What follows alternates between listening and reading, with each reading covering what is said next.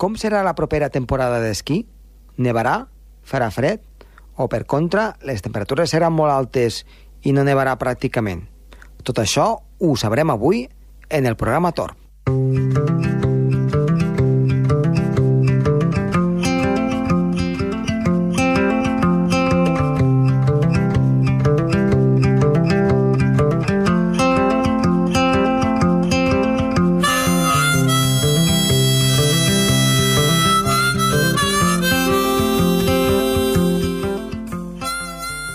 Doncs sí, avui entraurem de nou l'entrellat sobre el que ens pot esperar en aquesta propera temporada d'esquí, de neu a l'alta muntanya i també a les zones baixes, durant el que resta de tardor i, sobretot, el que és l'hivern i la primavera, com serà, si nevarà, no nevarà, si farà més fred de l'habitual o farà una mica més de calor. A més a més, amb el nostre company Gerard Tauler, que ens portarà notícies, en aquest cas de l'àmbit meteorològic, sobre les fortes precipitacions que van haver a Mallorca i també les precipitacions que hi ha hagut al llarg de les últimes jornades, especialment cap a la zona mediterrània. Som-hi!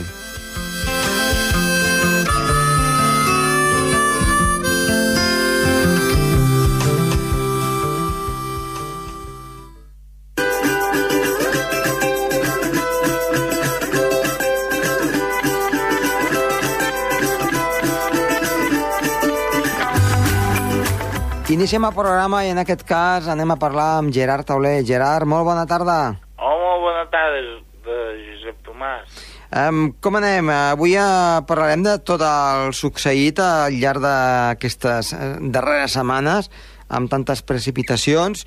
Hem encetat una setmana que, si més no, de moment ha estat força tranquil·la, ja veurem què és el que acaba passant a partir del cap de setmana, si hi ha entrades d'aire fred o alguna sí. nevadeta o què és el que hagi de passar, ja ho veurem, però ara ens hem de centrar doncs, amb el succeït aquests, aquests darrers dies, amb aquests aiguats que hi ha hagut doncs, pràcticament a tota la Mediterrània més occidental.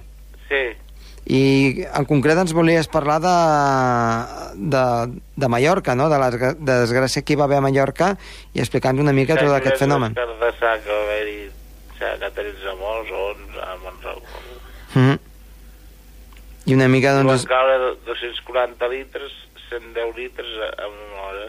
Mm -hmm. Observatori d'Artà.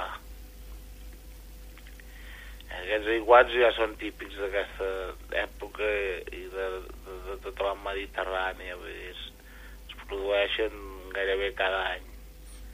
Es produeixen, clar, com el, el mar està calent, les primeres entrades d'aire fred, i el contrast tèrmic entre la temperatura del mar i la, la troposfera mitjana i alta, doncs, en aquestes tempestes i pluges tan intenses i clar, com, com el, el territori normalment està mal planificat doncs eh, provoquen doncs això morts.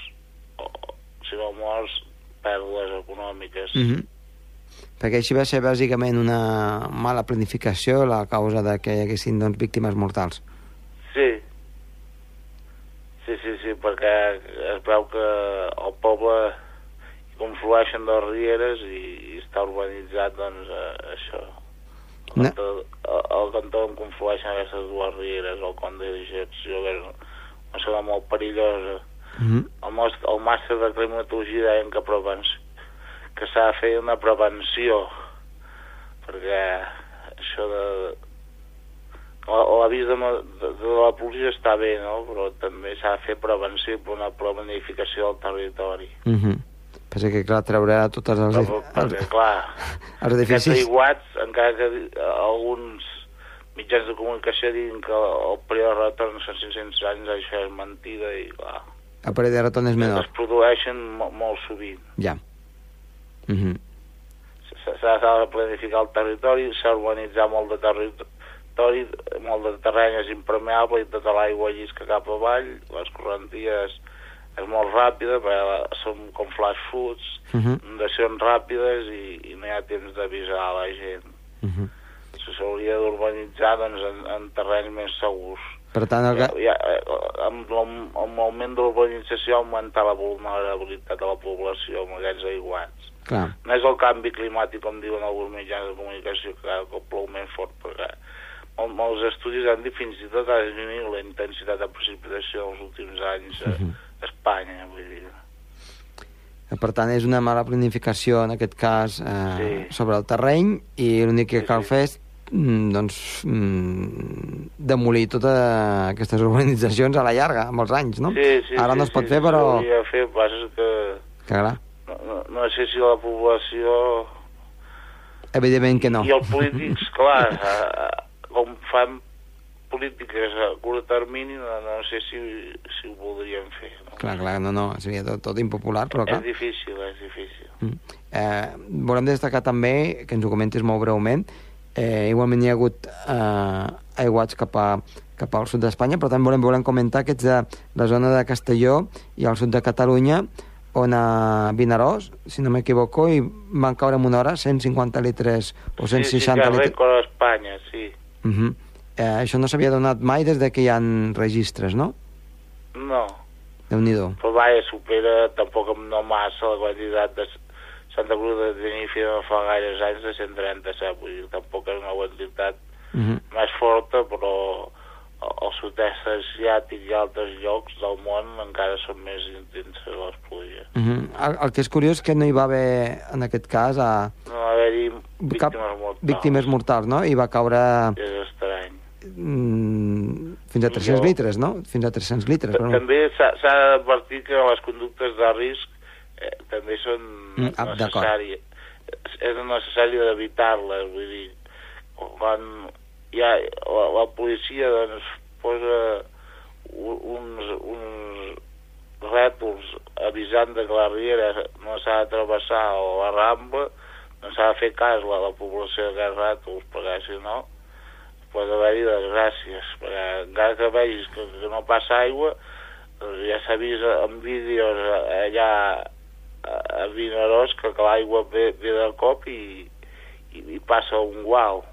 Ja, ja, ja. I per tant... S'ha de vigilar, s'ha de vigilar i, i s'ha comprovat que molt sovint la gent que va en cotxe molt, molt, molt potent, molt, molt, molt gran o, o, o els que no són del territori, els estrangers, doncs són les víctimes perquè són més agosarats. Ja, ja, ja. Per no tant, és- tanta informació de, de, de, de que zona és de risc. Bé, moltes vegades és més aviat una imprudència que no pas... Sí, és una imprudència, sí, sí. Doncs molt bé, doncs uh, Gerard, moltíssimes gràcies uh, per, uh, per tots els comentaris d'avui. T'esperem la setmana vinent. Molt bé, fins la setmana vinent, Josep. Adeu, que vagi bé. Adéu.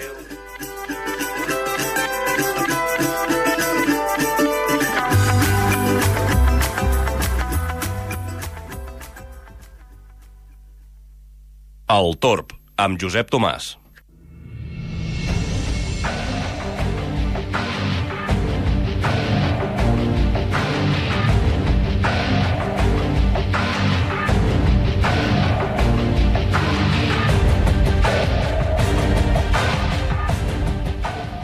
En l'entrevista d'avui volem saber què ens ha de deparar el que resta de tardor i, sobretot, eh, al llarg d'aquest hivern, d'aquesta temporada d'hivern, que tant doncs, ens preocupa aquí al Pirineu. I per això avui tenim amb nosaltres Enric Agut, que ell és eh, presentador eh, del Temps de TV3 i també de Catalunya Ràdio.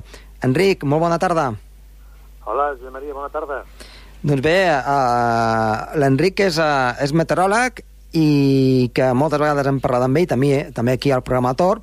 Avui ens agradaria que, que ens parlessis una mica de com ha de ser uh, la resta d'aquesta tardor, però sobretot la temporada de neu, uh, aquí al Pirineu, uh, si farà molt fred, si tindrem neu suficient, què diuen els mapes i també una mica de toc personal, que sempre això sempre ho demanem. Uh -huh. Mira, ja ho saps que, que els models que utilitzem, els estacionals, de vegades no es posen d'acord. I, I sembla que de moment per aquest eh, hivern eh, els models que normalment mirem diuen coses bastant diferents. Sobretot pel que fa a les temperatures. Perquè el, el model americà, Uh -huh. que ens mirem sempre, eh, dona unes temperatures un pèl més altes Sí? eh, per eh, el que queda d'any i també per l'any vinent, pel gener, febrer i març. Temperatures lleugerament més altes, no molt més altes, però lleugerament més altes. Això a la, a, la, a la zona del Pirineu, Pirineu, però també a bona part d'Europa, eh? ja. a bona part d'Europa. Però bé, eh, també va en consonància amb el que estem tenint últimament, que les temperatures eh, que estem tenint ja fa molts mesos Uh -huh. a bona part de- d'Europa respecte a la mitjana climàtica que va entre el, el 1970 i el 2000, o en alguns llocs 1980 i 2010, doncs eh, les temperatures que estem tenint cada mes és més alta respecte a la mitjana climàtica. Està passant cada mes a nivell europeu. Per això que aquest model indica que tindrem temperatures lleugerament positives respecte a, les normals, però no és cap sorpresa, perquè cada mes està passant gairebé. No estem tenint pas períodes molt freds, Ja. no, tot al contrari. O lleugerament més càlids o bastant més càlids. En canvi, hi ha un altre model, que és uh, un model que surt a la pàgina de Meteociel, a la pàgina francesa, que indica que els mesos serien una mica més fresquets, una mica més freds, que la mitjana climàtica. I això, per exemple, ho indiquen, eh, ho estic mirant ara perquè de memòria no me'n recordo, ho indiquen més aviat per finals de- d'hivern, val? Uh -huh. més aviat pel març. Això ho indiquen. En canvi, el GFS això no ho indica, i el model americà no ho indica. I veig que sí que hi ha un mes que seria bastant normal, segons el model francès, seria el gener. Però la resta de mesos eh, els posa també una mica més càlids eh, del normal, Per tant, excepte, excepte a finals de- d'hivern, que serien Mhm. més freds. per tant coincidirien una mica eh, en En quan... alguns mesos, en alguns mesos i al final és quan hi ha una mica més de desviació. Uns Sí, de més fred, desviació. i l'altres diuen que continuem amb la, amb la, amb la mateixa tendència. Aquests serien, Sí. diguem-ne, els dos grans models, Sí. no? Una mica que, Sí. Que ens indicarien això. I en quant a precipitacions, com... En quant a, en quant a precipitació, el que sí que es veu és que el model americà indica que el mes de novembre Mm. ha de ser un mes de novembre amb precipitacions, amb nevades Sí. i amb pluges que podrien ser una mica més, eh, més abundants del que tocaria per la mitjana climàtica. És a dir, Ja. que podríem estar davant d'un mes que seguiríem la dinàmica de- d'aquest mes d'octubre, Mhm. amb precipitacions abundants. Després, el model aquest americà, per desembre, encara manté eh, aquesta línia de precipitacions que encara podrien ser generoses. Però a l'arribar al 2019, el que és gener ja seria un mes sec, però bueno, eh, tradicionalment el mes de gener és Sí. un mes anticiclònic, i el mes de febrer el posa normal. Uh -huh. I, i després al març el posa un pèl sec. És a dir, que començaríem molt bé, amb moltes precipitacions novembre i desembre, gener seria un mes normalet, o més aviat, no, seria sec, disculpa, seria sec, Sí? i després tendríem a la normalitat. Uh -huh. En canvi, l'altre model, aquest model, eh, dona, el francès, eh, que el mes de novembre també serà molt abundant pel que fa a precipitacions, però en canvi al desembre, que l'americà el donava que seria un bon mes, aquest dona que serà un mes sec, Ja. un mes sec. Aquí ja sí que ens perdem, eh? Sí, sí, sí, sí. sí. I el gener el dona bastant normalet, i en canvi el febrer també el dona normalet, i al març fa disparar novament la precipitació. Uh -huh. O sigui, el model francès dona molta precipitació per novembre i març. Per tant, sec, finals de tardor i, principi de primavera, Sí, no? Una mica sí. seria... sí. Llavors també he estat mirant uh, com està el fenomen del Niño, Uh -huh. D'acord? I ara en l'actualitat tenim una situació de Niño neutral, és a dir, que no tenim ni Niño ni Niña, d'acord? Però la tendència és que la temperatura de l'aigua de la mar davant d'Amèrica Mm? s'escalci un palet. Sí. Passa que els estudis, el, els, els analistes, indiquen que no ens trobaríem davant d'un niño important, sinó que seria un niño molt, molt fluixet, molt lleuger. Ja. Cosa que per nosaltres és bo. És bo. I per què dius bo. que és bo uh, per nosaltres, un niño fluix? Perquè normalment quan tenim un niño fort, eh, aleshores a Europa els hiverns són molt suaus i de vegades també les precipitacions poden ser en alguns mesos escasses. Però sobretot ens trobaríem davant d'uns mesos suaus, amb temperatures clarament més altes respecte a, a la mitjana, que és Mm. el que ha passat els últims 40-50 anys. Hem tingut alguns niños forts, no gaires, Mm? però hem tingut, i el patró sempre ha estat el, similar. És a dir, hi ha una relació entre niño fort i hiverns molt suaus a Europa, Mhm. poc freds. I poc cosa que freds. tampoc convé. Cosa que tampoc convé. Eh, però no té relació amb la precipitació? Aquí no hi ha tanta correlació. Sobretot amb les temperatures. En temperatura, Amb sobretot. temperatures. És a dir, parlaríem de nevades a cotes altes, Ja. de mala qualitat de la neu, Uh -huh. de neu o poca neu a cotes baixes, saps? I a, a, la, difícils. a la zona dels Alps també hi hauria aquesta, la mateixa També, situació, no?, que, també, que hem també. parlat. Sí, ens trobaríem en aquells anys que possiblement fins al gener, a les estacions que no tenen canons de, de neu artificial, Uh -huh. doncs que als Alps no s'hi podria esquiar. Uh -huh. Hi ha Això- hagut alguns anys no?, que hem tingut imatges de, dels Alps sense neu, Sí. a finals de desembre, doncs eh, tindríem aquesta imatge molt possiblement amb Niños Fort. Però aquest any no, no es veu això del Niño Fort. Uh -huh. Per tant, és una bona notícia. És una molt bona notícia. Sí, perquè mm, hem tingut que 4 o 5 Niños Forts en els últims 40-50 anys i, bueno, un el vam tenir fa poc i l'hivern va ser molt suau. Mhm. Però això no es contempla. Es contempla un niño molt lleuger però que no se'l qualifica ni de niño gairebé. Mm, Estem parlant d'anomalies de 7 dècimes de la temperatura al mar. I al, no, al nord d'Europa, fredorades o també mm, hivern càlid o lleugerament superior? Mira, uh, Escandinàvia i... Sí, sí, sí. Crec que recupero de nou el mapa aquest per veure perquè estàvem en les precipitacions Uh -huh. i ara miro l'evolució de les temperatures a Europa realment en amo- a anomalies molt positives. Eh? És a dir, tindrem temperatures tant ara al novembre com al desembre molt altes respecte a la mitjana al nord d'Europa. Ja. Sí, sí. Hi ha anomalies positives. De fet, eh, el gener es corregeix.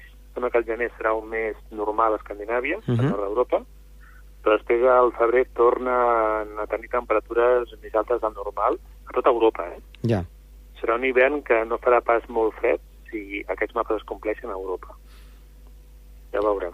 De fet, per això van una mica en, en, en conseqüència amb el que tenir temperatures una mica més altes del normal. Uh -huh. I ara la, la, pregunta del millor, que sempre doncs, eh, m'agrada eh, fer-te. Mm, Això és una mica doncs, el que diuen els mapes i la teva sensació personal de... La meva sensació personal és que tindrem un novembre, un desembre bojos, Ja. molt bojos, perquè bé, eh, estem tenint un estiu molt mogut, hem tingut un octubre que encara no s'ha acabat i està sent molt mogut, hem tingut un medicane aquí al Mediterrani, ara fa uns dies, hem tingut aiguats, hem tingut eh, també ara fa res, al cap de setmana, la visita d'un ex-huracà en forma ja d'una pertorbació molt activa. Ara aquesta setmana novament hi haurà una llevantada al Mediterrani, que sembla que afectarà sobretot eh, el País Valencià, Castelló, València i. I bé, eh, sembla que això pot continuar i al novembre ens podria portar, segons els models, una primera entrada d'aire fred a principis de novembre. O sigui, a principi de novembre, després de Tots Sants, Sí? com l'any passat Uh -huh. va passar, podríem tenir la primera invasió d'aire fred ja una mica més important, o sigui, la primera invasió de la temporada i ens podria portar nevades aquí a Andorra. Queda molt, però bé, últimament els últims anys ens estem acostumant que les temperatures no baixen fins després de tots sants. Sí, sí. passat va passar, per exemple. I tant. Sí, i sembla que això, que a finals de mes comencen a haver-hi les primeres erupcions d'aire polar per Europa i alguna d'aquestes ens podria visitar a inicis de, de novembre. Però la meva percepció és aquesta, la meva sensació és que tindrem un final d'any mogut.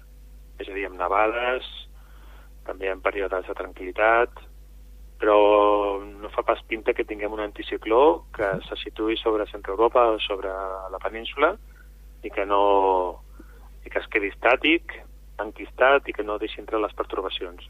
La Doncs- meva sensació és que no anirem cap aquí, sinó que anirem més aviat amb aquesta dinàmica de temps molt canviant, esbojarrat, enruixats, aterrant-se a dies tranquils, cap aquí, em sembla. Doncs, Enric, eh, Tu com ho veus? doncs bé, um, la percepció és una mica la mateixa, eh? eh La mateixa, no? La mateixa, sí, sí, d'anar cap, a, cap a una situació molt més moguda de, en aquest principi d'hivern i, i finals de tardor, i després, evidentment, al gener una mica d'anticicló sí que podrem tenir, i cap al final doncs, de, de temporada eh, i ens visitaran alguna altra pertorbació típica de finals d'hivern, inici de primavera, però l'important és ara l'inici, eh, que és, a, és mm. quan, es fa, quan es fa la base. Doncs, Enric, Sí, sí, sí, sí, sí. moltíssimes gràcies i Ah. ja ho saps, quan vulguis, eh, per tornar a estar aquí al programa, amb molt de gust, eh, t'obrirem les portes. Gràcies i fins la propera. Molt bé. Adéu-siau. Espero que sigui aviat. Una abraçada, gràcies. Adéu-siau.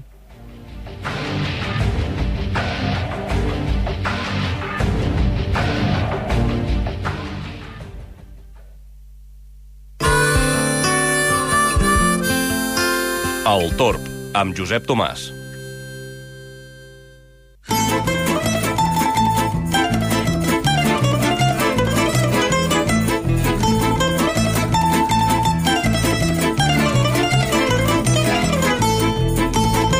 Doncs amb aquesta animada música que sempre doncs, eh, ens dona ganes de ballar, aquí amb el, amb el, amb el company de so, eh, anem a començar una mica a fer res, 4 cèntims del que ha de ser el cap de setmana, un cap de setmana que ve ben mogudet com, a, com aquesta cançó, perquè s'acaba l'ensupiment que hem tingut al llarg d'aquests dies. I és que hi ha un front que ve des del nord d'Europa, des de les zones àrtiques aproximadament, i que ens començarà a afectar just dissabte.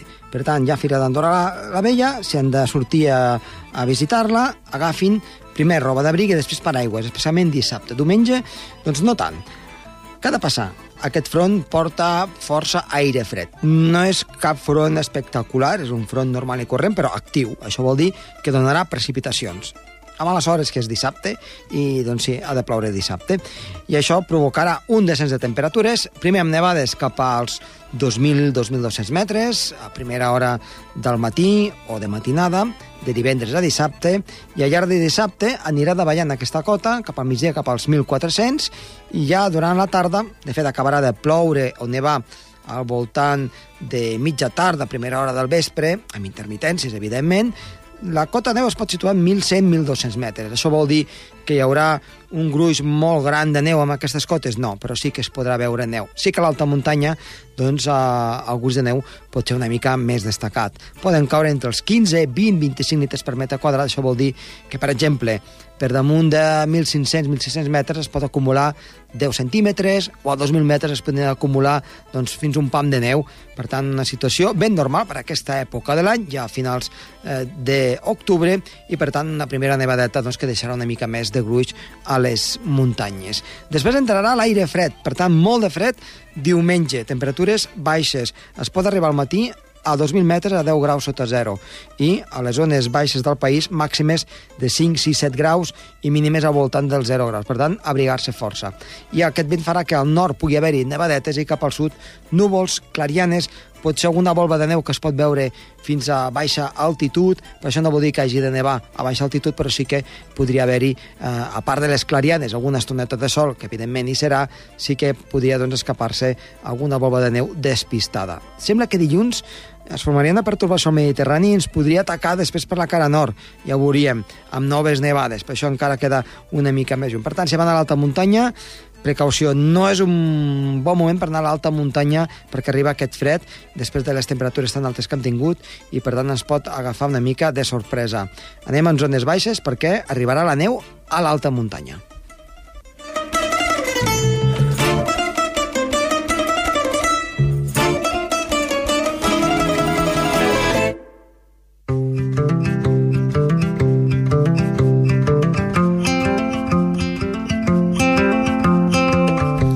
Doncs bé, acabem aquí eh, aquest programa amb les prediccions del que serà la temporada eh, de neu tant el que resta de tardor com també a l'hivern i res més, de desitjar-los que hagin passat una bona estona, estar de les vides de so, Toni Escur i que els ha parlat molt de gust, Josep Tomàs. Adéu-siau.